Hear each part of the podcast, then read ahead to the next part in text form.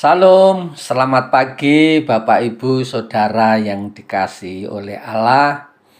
Apa kabarnya pagi hari ini? Doa saya Anda dalam keadaan sehat, kuat, dan tentunya tetap bersemangat. Haleluya. Kembali saya pendeta Samuel akan sharing kebenaran firman Tuhan di mana pagi hari ini saya ambil di dalam 2 Korintus 4 ayat 14 yang bunyinya demikian. Karena kami tahu bahwa ia yang telah membangkitkan Tuhan Yesus akan membangkitkan kami juga bersama-sama dengan Yesus dan ia akan menghadapkan kami bersama-sama dengan kamu kepada dirinya. Haleluya.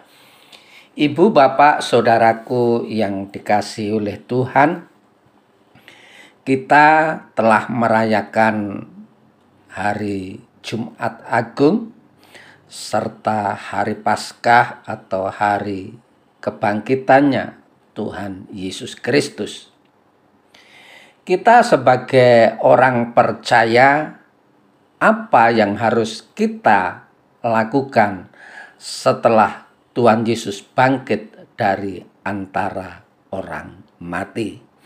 Inilah tema yang pagi hari ini ingin saya sampaikan yaitu tanggung jawab kita sebagai orang percaya setelah kebangkitan Kristus. Bapak Ibu sahabat podcast yang dikasihi oleh Allah. Bagi kita Paskah bukanlah sekedar perayaan mengenai peristiwa kebangkitan Tuhan Yesus saja. Tetapi juga sekaligus merupakan sebuah tanggung jawab. Waktu kita merayakan Jumat Agung kita merasakan kasih Allah yang luar biasa yang menjamin kepastian hidup kita ia rela mati di kayu salib. Allah juga bangkit dari antara orang mati memiliki sebuah tujuan Yesus bangkit dari antara orang mati itu memiliki tujuan.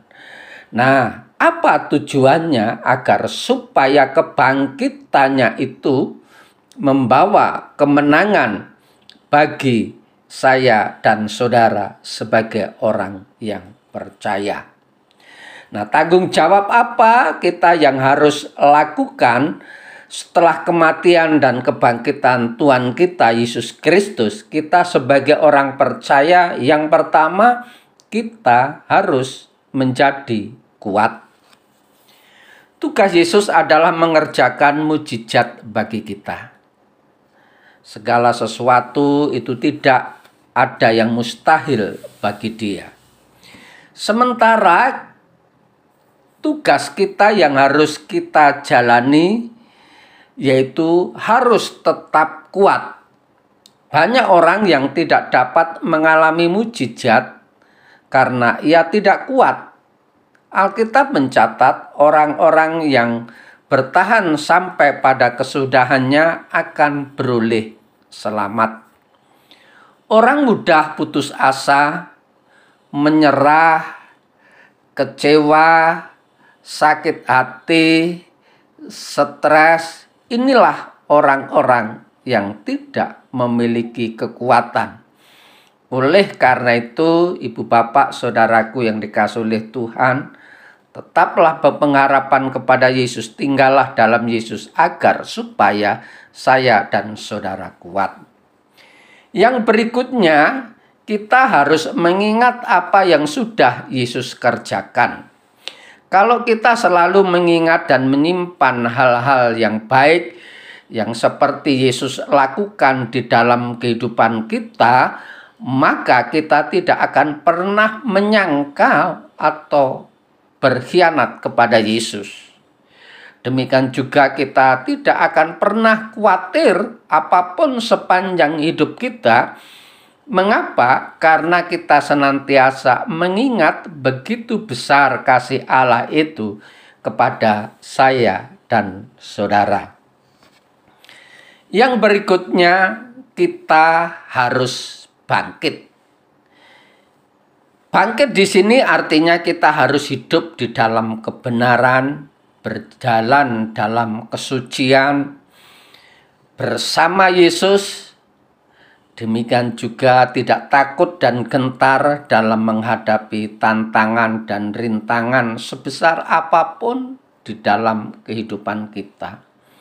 Sehingga hidup kita itu dapat menjadi saluran berkat, kita bisa dipakai oleh Allah menjadi garam dan terangnya. Kita bisa dipakai oleh Allah karena kita diberkati, kita menjadi saluran berkat bagi orang percaya. Oleh karena itu, ibu bapak, saudaraku yang dikasih oleh Tuhan, sebagai orang percaya, kita harus menyadari ada tanggung jawab yang tidak bisa kita abaikan, karena ada tanggung jawab yang dipercayakan kepada kita.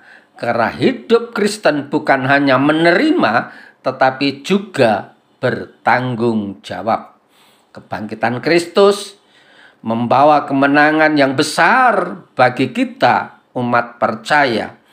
Untuk itu sebagai orang percaya kita harus menghargai karya yang sudah Tuhan berikan bagi setiap kita yaitu pengorbanannya di kayu salib. Selamat pagi, selamat beraktivitas. Tuhan Yesus memberkati.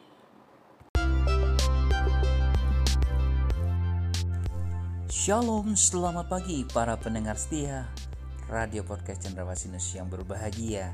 Hari ini kita akan mendengar akan renungan akan firman Tuhan. Biarlah firman Tuhan yang hidup itu akan menjadi berkat ketika Anda mendengarnya dan rema dalam kehidupan Anda. Selamat mendengarkan firman-Nya. Tuhan Yesus memberkati Anda.